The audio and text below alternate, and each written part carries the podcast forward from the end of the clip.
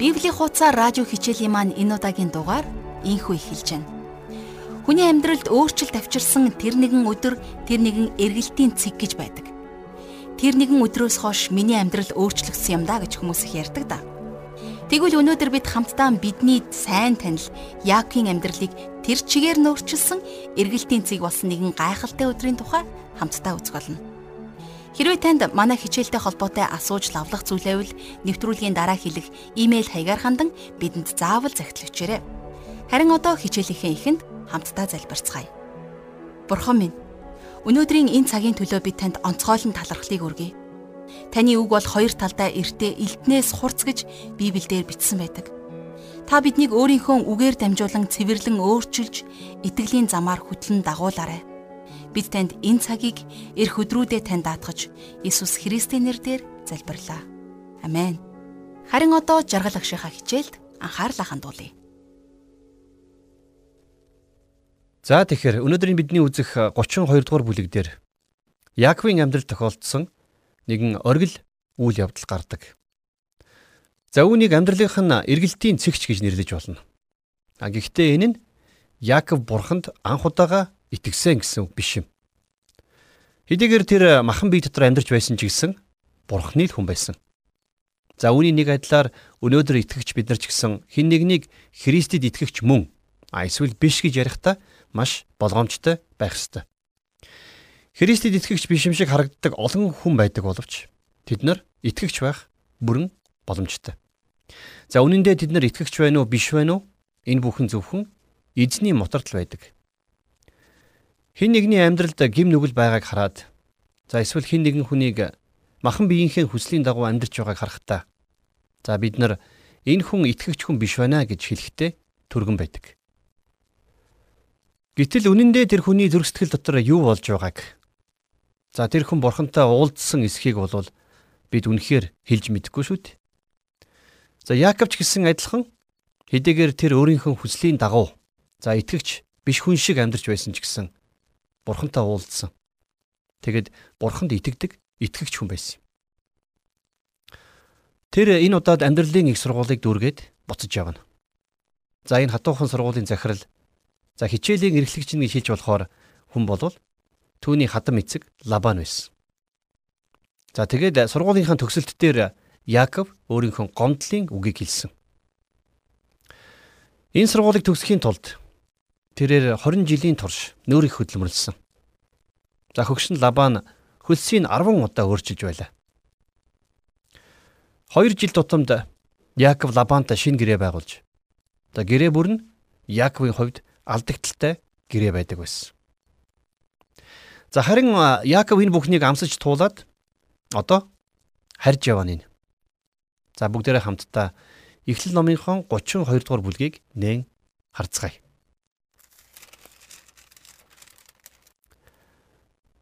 Яаковыг аян замдаа явж байтал Бурхны тэнгэр элч нараа түүнтэй уулзав. Яаков тэднийг хармагцаа энэ бол Бурхны цэргийн хуаран байна гэд тэр газрыг Маханаим гэж нэрлэвэ гэсэн байна. За Яаковаас авах Бурхны шалгалтын цаг одоо ирж байгаа. Яаков Бурхныг төлөөлөх төлөөлөгч болох ёстой байсан.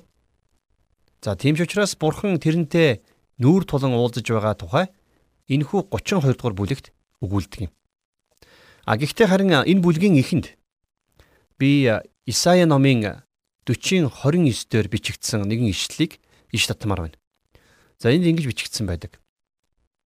Тэр ядарсанд тэнхээ өгч чадал дутагдсанд нь хүч нэмдэг. За би дахиад уншия. Тэр ядарсанд тэнхээ өгч чадал дутагдсанд нь хүч нэмдэг гэсэн байна. Тэгэхээр Яаков амьдралдаа яг л ийм зүйлийг туулсан. Бурхан өөрийнхөө жинхэнэ үр жимстэй гэрчлэгч болгох тийм амин чухал үйлчлэлд Яаковыг бэлтгэж эхэлж байгаа нь. За 3-5 дугаар ишлэгийг харъя. Яаков Сэри нутаг Идомын талд байгаа ах Исав руугаа өөрөөсөө төрүүлж элч нарыг илгээгээд тэдэнд тушааж Миний эзэн Исавд ингэж хэл. Таны зарц Яаков ингэж хэлүүллээ. Би Лабантай хамт өнөө хүртэл суулаа. Надад үхэр илжиг, хонин сүрэг, эрэгтэй эмэгтэй зарц байна. Би таны хайр хөрөөлийг хүртэхээр эзэн танд энэ хөлийг хөргүүлж байна гэж хэл гівэ гэсэн байна. За Яаков тэгэхээр их сэргэлэн байгааз Лабанад амьдрсан энэ бүх цаг хугацааны дараач гисэн зүгээр яасан ч яах вэ гэсэн байдалтай байгаагүй. Тэрээр их нутагтаа буцсан ирж байхдаа 20 жилийн өмнө Исав өөрт нь уурлаж занал хийлж байсныг санаж байсан. Тиймээс Яаков зарцнараа илч болгон явуулахдаа та нар манай ах дээр очиод тэрэнд миний эзэн Исав гэж хэлээрэ гэж зааж өгсөн баг. За бүр ингэж зогсохгүй өөрийгөө таны зарц Яаков гэж нэрлээрэ гэсэн үг зааж өгсөн. За Яаков өмнө нь ийм маягаар ярьдаг хүн байгаагүй. Тэр ахаасаа ууган хүүгийн эрхийг нь хуурч аваад ерөөлийг нь бас хулгайлж байсан. Тэр их залттай нэгэн байсан бол одоо түүний үг хэлнэ их өөр болсон байдаг.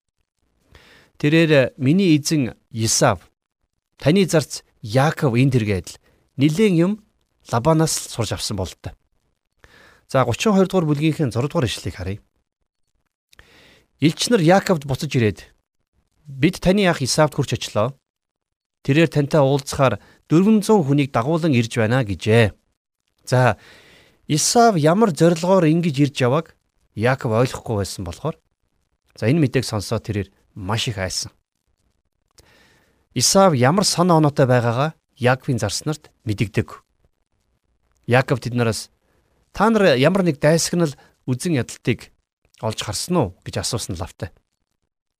А түүний нэг зарц нь үгүй эгүй тэр таныг ирж яваа гэдгийг мэдээд баяртай байх шиг байсан. А тэгээд тэр одоо тантай уулзахаар ирж яваа гэж хэлсэн байхаа гэж би бодож байна. Гэхдээ Исав өөрийг нь ирж байгаад баяртай байлаж гисэн. Энэ нь Яаковыг тайвшруулж чадахгүй байсан. Тэр өшөөгөө авах сайхан боломж гарлаа гэж баярлсан байж болно шүү дээ. За ямар тач хөөхий Яаков маш их хайж дарамтанд орсон байна. За 7-оос 8 дугаар ишлэлийг цааш нь хамтдаа уншийе. Яаков ихэд айн сэтгэлийн дарамтанд оров. Тэгээд хамт байсан хүмүүсээ болон хонь өхөр тэмээдээ хоёр хэсэг болгон хуваав. Тэгээд Яаков хэрэг Исав ирээд нэг хэсэг рүү дайрвал үлдсэн хэсэг нь зогтох болно гэжээ. За Яков өөрийгөө маш их таагүй нөхцөл байдалд орлоо гэж бодсон. Ахыгаа ирж байгааг сонсоод тэр бүх зүйлээ хоёр хэсэг болгож хуваасан. За тэр их ухаалаг хандж байгааз. Яагаад гэвэл ах нь хэрвээ нэг хэсэг рүү дайрах юм бол нөгөө хэсэг нь зогтох болно гэж тэр төлөвлөсөн байж. Дараа нь Яков юу хийснийг одоо бүгдээр харцгаая. Тэр энэх дарамт зовлонгийн дунд харин бурханд хандан залбирч байна. За энэ залбирлыг 9-10 дугаар ишлээс харцгаая. Яков Миний өвөг Авраамийн бурхан, миний эцэг Исаакийн бурхан, эзэн минь. Та надад чи төрсөн нутаг төрөл төрөксөд руугаа буц. Би чамайг өрөөх болно гэж надад хэлсэн. Би танаас өчүүхэн зарц надад үзүүлсэн хайр ерөөл үнэн шудраг бүхнийг хүртэх зохисгүй. Би энэ Йордан голыг ганцхан таягтайгаа гаталж очисон.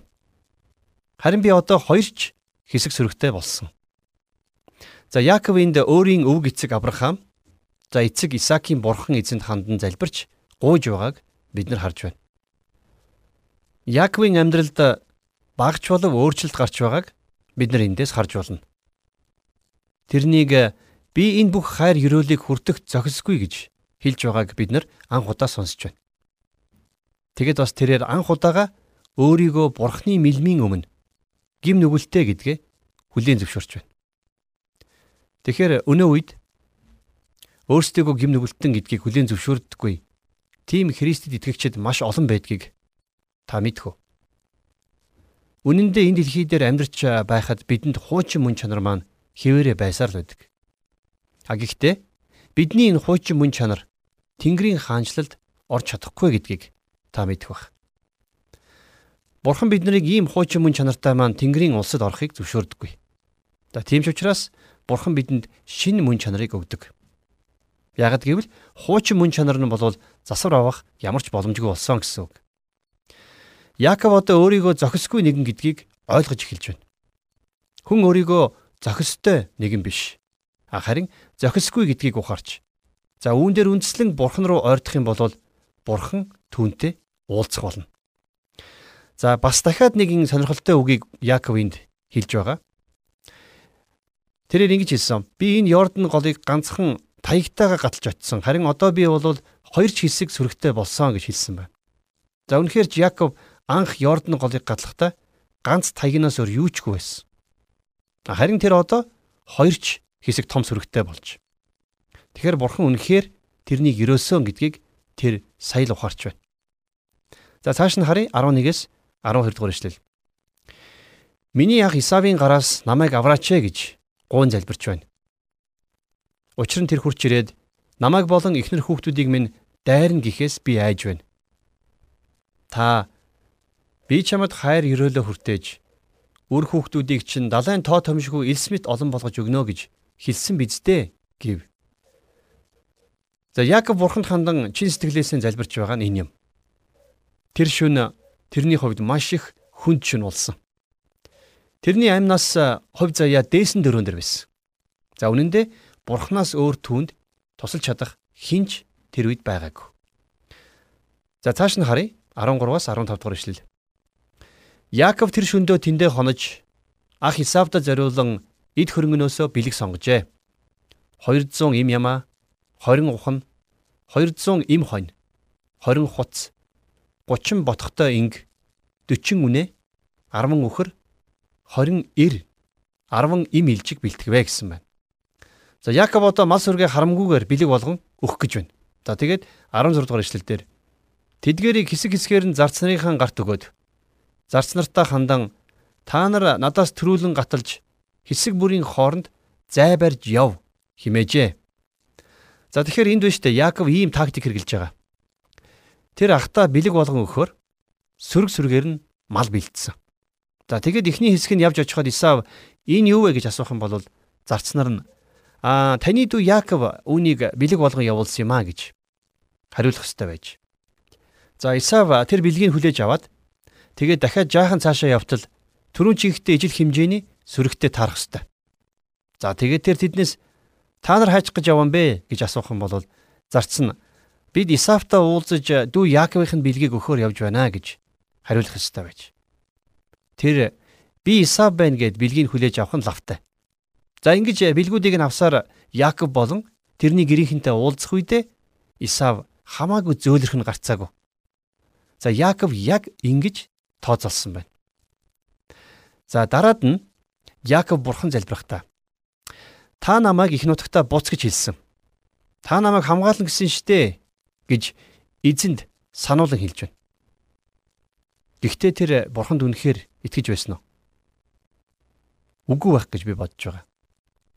Тэрээр өөрийнхөө бодлоор асуудалд хандаж за энэ бүх зүйлийг зохион байгуулж байгаа нь бурханд итгэхгүй байгааг нь харуулж байна.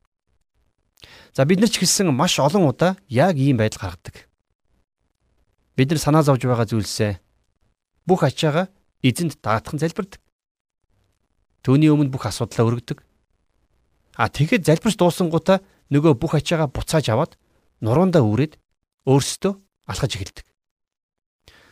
За энэ байдал маань бидний бурханд итгэж чадахгүй байгаа үнэн нүр царайг харуулж байна. За бид нар үнэхээр итгэх ёстой тэр хэмжээнд хүртэл бурханд итгэж чаддгүй юм. За 17-оос 20 дугаар ишлэлийг харах юм бол Тэрээр төрөнд нь яваа зарцтаа захиж миний ах Исав чамтай уулзаад Чи хэний хүн бэ? Хаашаа явж байна вэ? Чиний өмнө яваа эдгээр мал сүрэг хэнийх вэ гэж асуувал энэ бол таны зарц Яаков байх. Үүнийг өөрийн эзэн Исавда бэлэг болгон явуулсан юм. Яаков өөрөө бас бидний ард ирж байгаа гэж хэл гэв. Тэрээр бас хоёр дахь, гурав дахь хэсэг болон бусад хэсэг тус бүрийг тууж аваа хүмүүст хандаж та нар ч бас Исавта уулзахдаа энэ үгийг хэлээрэй. Та нар бас таны зарц Яаков бидний ард ирж байгаа гэж хэлээрэй гэв. Яаков би өөрийнхөө төрүүд нь явуулж байгаа бэлгээрээ түүнийг тайтгаруулад дараа нь би өөрөө түнтэй уулзвал ах минь намайг хүлээн авч магадгүй гэж боджээ гэсэн байна. За Исав эрх замдаа Яаковын явуулсан хүмүүстэй уулзаж за тэдний үгийг сонсохдоо сэтгэл санаа нь өөрчлөгдөнө гэж Яаков төлөвлөсөн байсан. За 21-ээс 23 дугаар эшлэл дээр ингэж бичсэн байна. Тэгээд Яаков бэлгээ өөрөөсөө төрүүлж явуулаад өөрөө тэр шүн хуаранда хонов. Тэр шүн босож хоёр ихнэр, хоёр шивгчин 11 хүүхдэд дагуулan Ябог голын гарцаар гарчээ. Яаков тэднийг дагуулan гол гаргаад дараа нь өөрт нь байсан болгоноо гаргажээ. За тэр шөнө бол Яаковын амьдралд үнэхээр маш чухал үйл явдал болсон. Тэдний гаталж гарсан Ябог голын тэр хэсэг бол эзгүй за тийм зилүүд нутаг байсан. За Яаковын хувьд бол тэр онгон зилүүд газрыг туулан явах тиймч амаргүй байсан л да. А ингээд Яаков тэнд шүнийг өнгөрүүлэх болсон. За тэр үед тэрний санаа маш их зовж за эргэлзээ айдсаар дүүрэн байсан мэдээж. Өвдө хайсан ч болов өөрийн толгой дээр бууж байгааг та харж байна уу? Тэр нь Исавыг хуурч мэхэлсэн. Тэр ахаасаа ууган хүүгийн эрхийг тэгээд бас эцгийнхээ ерөөлөгч гисэн яг л тийм аргаар булааж авсан. Гэхдээ ингэж булааж авахыг бурхан хүсээгүй. Бурхан үүнийг түүнд өгөх нь гарцаагүй байсан. За тэгээд тэр шөнө Яаков өөрт байсан бүхнээ Ябог голоор гаргачаад өөрөө нөгөө талд нь үлдсэн байна. Хэрвээ Исав ах нь ирээд Яаковыг алах юм бол гэрийнхний түүнээс хол байх нь хамаагүй дэр байсан. За тийм ч учраас Яаков энд ганцаараа үлдэж байна. За 24 дугаар эшлэлдэр маш их сонирхолтой нэгэн түүх гарна. За энэ эшлэгийг бүгд хамтдаа уншицгаая. 32-ын 24 Яаков ганцаараа үлдсэн бөгөөд нэгэн хүн Яаковтай үүр цайтал барилдав. За тэгэхээр энэ барилдааны тухай ярихаас өмнө би хид хідэн зүйлийг тодтогч хэлэх нь зүйтэй гэж бодож байна. Энд Яаковыг хин нэгэнтэй барилдсан тухай өгүүлж байна. А үнэн дээр Яаков хинтээч барилдахыг хүсээгүй. Буцаад явах гэхээр хадам аав Лабан нь тэрнийг тиймч таатай хүлээж авахааргүй байсан. Харин урд талд нь Исав угтан ирж явна. Тэгэхээр Яаков тэдний хинтэнч таарч тохирч чадахгүй байсан. Түүнд үнэхээр дээшээ тэнгэр хол а доошо газар хатуу гэдг нь болоод байсан. Тэр үнэхээр аль зүг рүү яаж явхаач мэдэхгүй. Тэгээд тэр шүн тэрэнд гурав дахь этгээдтэй хүчээ үзэх тэнхэл байсан гэж та бодож байна уу? А би бол тэгж бодохгүй байна. Үнэн дээр Яаков бол бүх хүн байгаагүй. Харин Исав бол ан хийж хээрээр гэр хицээр дэр хийдэг хүн байсан бол Яаков тийм хүн байгаагүй. За тиймдээч тэр шүн Яаков хин нэгэнтэй тэмцэлдэхийг биш. Харин ганцаараа байхыг л хүсэж байсан байх. За тийм ч учраас тэрээр ганцаараа тэнд үлдэж тэндээ хоног төөрүүлэх болсон. А тэгвэл тэр шүн Яаковтай барилдсан тэр хүн хэн байсан бэ? Энэ хүн хэн байсан тухай маш олон янзын тайлбар таамаг байдаг боловч за би бол хувьдаа тэрнийг Христ байсан гэж боддог. Тэгэхээр хуучин гэрээний Хозегийн иш үзүүлэх дотор үнийг батлан өгүүлсэн байдаг юм. За тэгэхээр би танарт одоо Хосе зүнчийн бичсэн иш үзүүлгийн 12-ын 1-ээс 5-ыг уншаад өгье. За энд ингэж хэлсэн байгаа. Ефраим салхиар хооллон үргэлж дорны салхийг мөшгдөг. Тэр залмит ба хүчирхийллийг олшруулна. Үүнээс гадна тэр Ассиртай гэрээ байгуулж Египт рүү тос зөөж байна. Эзэн бас Юдатай маргалдаж Яаковыг өөрийнх нь замуудын дагуу шийтгэн. Тэр түүний үйлдэлүүдийн дагуу түүнд эргүүлэн төлөх болно. Хевлид байхдаа тэр ахыгаа өсгийнөөс нь барьж өсөн том болсны дараа бурхантай тэмцэлдсэн. Тийм ээ. Тэр тэнгэр элчтэй барилдан ноёрхсон. Тэрээр уйлан түүний тааллыг хайсан. Тэр түүнийг битээлд олоод тэнд тэр бидэнтэй ярьсан. Тэр нь эзэн төмөн цэргийн бурхан юм. Түүний нэр бол эзэн билээ гэсэн байдаг юм. За түүний нэр бол эзэн. Тэгэхээр өөрөөр хэлэх юм бол тэр шин Яаковтай барилдсан нэгэн бол эзэн Христ өөрөө байсан юм. За 25 дугаар ишлэгийг үргэлжлүүлэн харцгаая. Тэрээр Яаковыг дийлж чадахгүйгээ үзээд гуйруун цогсонд Яаковын түнх нь тэр хүнтэй барилдаж байхад мултарчээ. За тэгэхээр Яаковын нас нэлээд явсан байсан боловч тэрээр тийм ч амархан бас буугаад өгчих хүн биш байсан байна. За тэр нөгөө хүнтэй барилдаж тэмцэлдсэн байна. Тэгээд эцэст нь тэрнтэй барилдсан тэр нэгэн Яаковын түнхийг мултсан баг. За 26 дугаар ишлэлийг уншицгаая. Тэр хүн үүр цайж байгаа учраас намайг явуул гэсэнд Яаков таны намайг өрөөхөөс нааш би таныг явуулахгүй гэжээ. За энэ үед Яаков барилдгаа болсон ч гэсэн тэрнийг зурсан хэврэл байсан байна. Тэгэхээр бурхантай тэмцэлдэж түүнийг эсэргүүцснээр хаашааш хөдөлж чадахгүй гэдгээ тэр ойлгосон. Түүнтэй хамт явахыг хүсэж байгаа бол та дуулууртай байж түүнээс зурх хэрэгтэй. Авраам энэнд суралцсан. За тийм ч учраас тэр бурханд амен гэж хэлсэн. Тэр бурханд итгэсэн. За тийм ч учраас бурхан тэрнийг зөвхт гэж тооцох болсон юм. Авраамийн гар бурханаас зуурсан хിവэрэл байсан. Тэгэхээр найз минь хэрвээ та яг ийм нөхцөл байдалд орох юм бол бурханд итгээрэй. Танд түүнээс зурх хүсэл байхаваас тэр танд туслахад хизээд бэлэн байдаг юм. За 32 дугаар бүлгийнхээ 27-оос 28 дугаар ишлэлийг харъя. Тэгээд тэр хүн чиний нэр хинбэ гэж асуусанд тэрээр Яаков гэж хэлжээ. Тэр хүн үүнээс хойш чамайг Яаков гэхгүй харин Израиль гэж нэрлэх болно. Учир нь чи бурхантай бас хүмүүстэй тэмцэлдэж ялсан билээ гэв. За тэр одоо Яаков буюу булаан эзлэгч, хууран мэхлэгч гэсэн утгатай тэр нэрээ сольж харин Израиль буюу бурхантай бас хүмүүстэй тэмцэлдэж ялсан нэгэн гэсэн утгатай шин нэрийг авсан байна. За яг энэ үеэс эхлэн тэрний амьдралаас энэ шин мөн чанар нь илрэн харагддаг юм. За 29-с 30 дугаар ишлэгийг харах юм бол Яаков та нэрээ хилээж гэж гойсонд тэр хүн чи яагаад миний нэрийг асуугаад байгаа юм бэ гэж хэлээд тэнд Яаковыг өрөөжээ. Тэгээд Яаков тэр газрыг Пениел гэж нэрлээд би бурхантай нүүр нүрээрээ уулзсан боловч миний ам нас минд үлдсэн гэв. За тэгэхээр энд гарцаагүй Яаков Христтэй уулзсан гэдгээ мэдсэн байна. За цааш нь харъя 31-ээс 32 дугаар ишлэл. Яаковыг Пенуэлээр өнгөрч байхад нар гарч тэрээр түнхнээсээ болж доглон явжээ. Тэр хүн Яаковын түнхнийхэн шүрмсийг цогсноос болж Израильчууд өдий хүртэл гуйны шүрмэс иддггүй билээ гэсэн байна. За бурхан Яаковыг өөртөө буцаан авахын тулд ингэж доглон болгосон байна. Тэр анх барилдаж эхлэхдээ бууж өгөхөөс татгалзсан. За үнэн дээр энэ бол тэрний жинхэнэ мөн чанар нь байсан. Тэр бүхийн магадгүй хідэн барьц мэддэг байсан болохоор ялчих байх гэж бодоод нэг хэсэг зууралдсан бол та. Харин эцэст нь тэрээр ялж чадахгүй нэ гэдгээ ойлгосон ч бууж өгөхийг хүсээгүй. Харин энэ үед бурхан яасан гэж? Бурхан мэдээж хамаагүй хүчрхэг учраас Яаковыг дал мөрөөр нь газар савчхаж чадах байсан. А гэхдээ бурхан тэрний хүслийг шороотоо хутгахыг хүсээгүй. За нэгэн хүүг ээж нь өрөөндөө очиод ширээнийхээ ард суу гэжээ. За тэг хэсэг хугацааны дараа чимээ гарахын сонсоод ээж нь чи сууж гэнэ үү гэж асууж гин.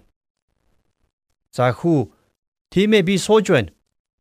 Гэхдээ дотроо бол би зогсож байна гэж хариулсан гэдэг. Тэгэхээр Яаков яг энэ хүүхдтэй адилхан байлаа. Яаковын дотор яг л ийм зүйл болж өнгөрсөн. Тэрээр бууж өгөхөд бэлэн биш байсан. Тиймээс дотроо болохоор босоод зогсчихсон байсан. За бурхан тэрэнд хэрхэн хандаж байгааг хараарай. Тэрээр Яаковын гуйг цогсон. За өөрөөр хэлэх юм бол бурхан тэрэнд хуруугаал хүргэсэн. За үнэн дээр ингэхэд тэр яаж чадахгүй болсон. Гэхдээ бурхан тэрнийг бүр мөсөн газарт унахчаагүй гэдгийг та хараарай. Одоо харин Яаков түүнийг барьж зууралдаж байна. Тэр хүн намайг явуул гэхэд Яаков үгүй би таны ерөөлийг хүсэж байна гэсэн. Тэр одоо л бурхнаас зурж байна. Хичээл зүтгэл зөрчил тэмцэл дуусгар болж энэ үеэс эхлээд Яаковын амьдралд сүнслэг мөн чанар идрэх болсон юм. Яг эндээс эхлээд тэрээр бурханд илүү итгэж найдах болсон. Хүний зан чанар ганцхан мөчийн дотор өөрчлөгдөнө гэж мэдээж байдаг. Мэдрэлийн эсүүдийн хооронд тодорхой холбооснууд бий болж за энэ нь бидний мэдрэлийн системд нөлөөлөн ингэснээрээ бид альва зүйлийг үйлдэх зуршилтай болдгоо гэдгийг сэтгэл зүйчид тайлбарладаг. А тэгвэл бидний амьдрал дадал зуршлаас бүрддэг. Цаашдаа Яаков хуучин амьдрал руугаа хідэнтэй халтран орох боловч энэ үеэс эхлээд тэрний дотор ямар нэгэн өөрчлөлт гарсан гэдгийг бид нар харж эхэлж байна. Тэр үнэхээр Бурхны жинхэнэ эр хүн байсан гэдгийг бид нар хожим үзэх болно. Бид тэрний гэрте байх үеийн за тэгээд дараа нь хараан нутагт байхыг нь буюу махан биеийн хүн байсан үеийг сайн мэднэ. Харин энд Пениэлд Ябок голын эрэгт тэр барилдаж тэмцэлдэж байна. За энэ үеэс хойш Яаков өөрчлөгдсөн. Тэрээр хожим Египтийн нутагт очих тэр цаг үе. За мөн насан эц болтлоо итгэлээс сахисан итгэлийн сайн хүн болсон юм. За үүнийг бид удахгүй үзэх болно. Эхлээд махан биеийн хүн байсан. Дараа нь тэмцэлдсэн. Тэгээд Яаков эцэст нь итгэлийн хүн болсон. За шинэ гэрээнд ч гэсэн Яаковын нэгэн үр сад болсон Тарсын Саул гэдэг залуугийн тухай өгүүлдэг. За тэрний тэмцэл зөрчлийг Ром номын 7 дугаар бүлэгт тодорхой хэлсэн байдаг юм. Тэрний амьдралд ч гэсэн гурван өөр үе тохиосон. Саул анх Христэд итгэснийхээ дараагаар өөрийгөө Христэд итгэгч амьдралаар амьдрч чаднаа гэж бодож байсан. За би ч гэсэн яг ийм алдаа гаргаж байсан. Би анх итгэж болсныхаа дараа Христэд итгэгч амьдралаар амьдрч чаднаа гэж боддог байлаа. Надад хэний ч тусламж хэрэггүй. Итгэлийн амьдрал бол их амархан гэж би боддог байсан. А гэтэл үнэндээ тийм биш байсан. За энэ үе бол хамгийн хүнд үе байсан. Тэгэхээр яг энэ асуудлын талаар Паул өөрөө хэлэхдээ би өөрийн хүсдэг сайныг хийдэггүй. Харин хүсдэггүй бозор муугаа хэрэгжүүлдэгэ гэж Ром хотынд бичсэн загтлынхаа 7-гийн 19 дээр тэмдэглэсэн байна. Хүний хуучин мөн чанарт ямар ч сайн сайхан зүйл байхгүй гэдгийг Паул ойлгосон. Тэгсэн хэрнээ тэрний шин мөн чанарт нь ямар ч хүч чадал байгаагүй юм. Тийм ч учраас сүулдэ тэрээр би юутай хөөрхийлэлтэй хүн бэ? Хин намайг үхлийн энэ биеэс ангижруулах вэ хэмээн дуу алдсан байдаг. Харин эцэст нь Паул за Ромын 7-гийн 25 дээр бидний эзэн Есүс Христээр бурханд талархал нь байх болтугай. Иймд нэг талаар би өөрийн оюун ухаанаар бурхны хуулинд үйлчлдэг боловч нөгөө талаар би өөрийн махан биеэрээ нүглийн хуйлд үйлчлдэг гэж бичсэн байдаг. Тэгэхээр энэ талаараа бол хүмүүс бид нар бүгдээрээ адилхан. Биднэрт бүгдээрэнд маань хуучин мөн чанар маань байдаг. Энэ мөн чанарт маань бурхны таалалд нийцэх зүйл гэж нэгч байдаггүй. За энэ талаар цааш нь үргэлжлүүлэн бичгтээ Ромын 8-ын 7-оос 8 дээр Паул Яагад гэвэл махан биеийн бодол санаа бол бурхны эсрэг дайсагнал юм.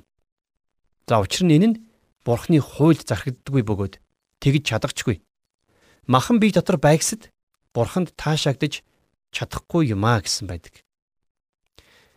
Харин хэрвээ бид нар Бурхны сүнснээс зурж Бурхны сүнсээр алхах юм бол бид махан бие дотор хуулийн хийж чадаагүйг Бурхны сүнсээр дамжуулан чадах болно. Тэгэхээр яг тэр шүн бол Яаков ялсан. А гэхдээ тэр бууж өгөөгүй учраас ялсан биш. Харин Бурханаас зурсан учраас л ялсан юм шүү.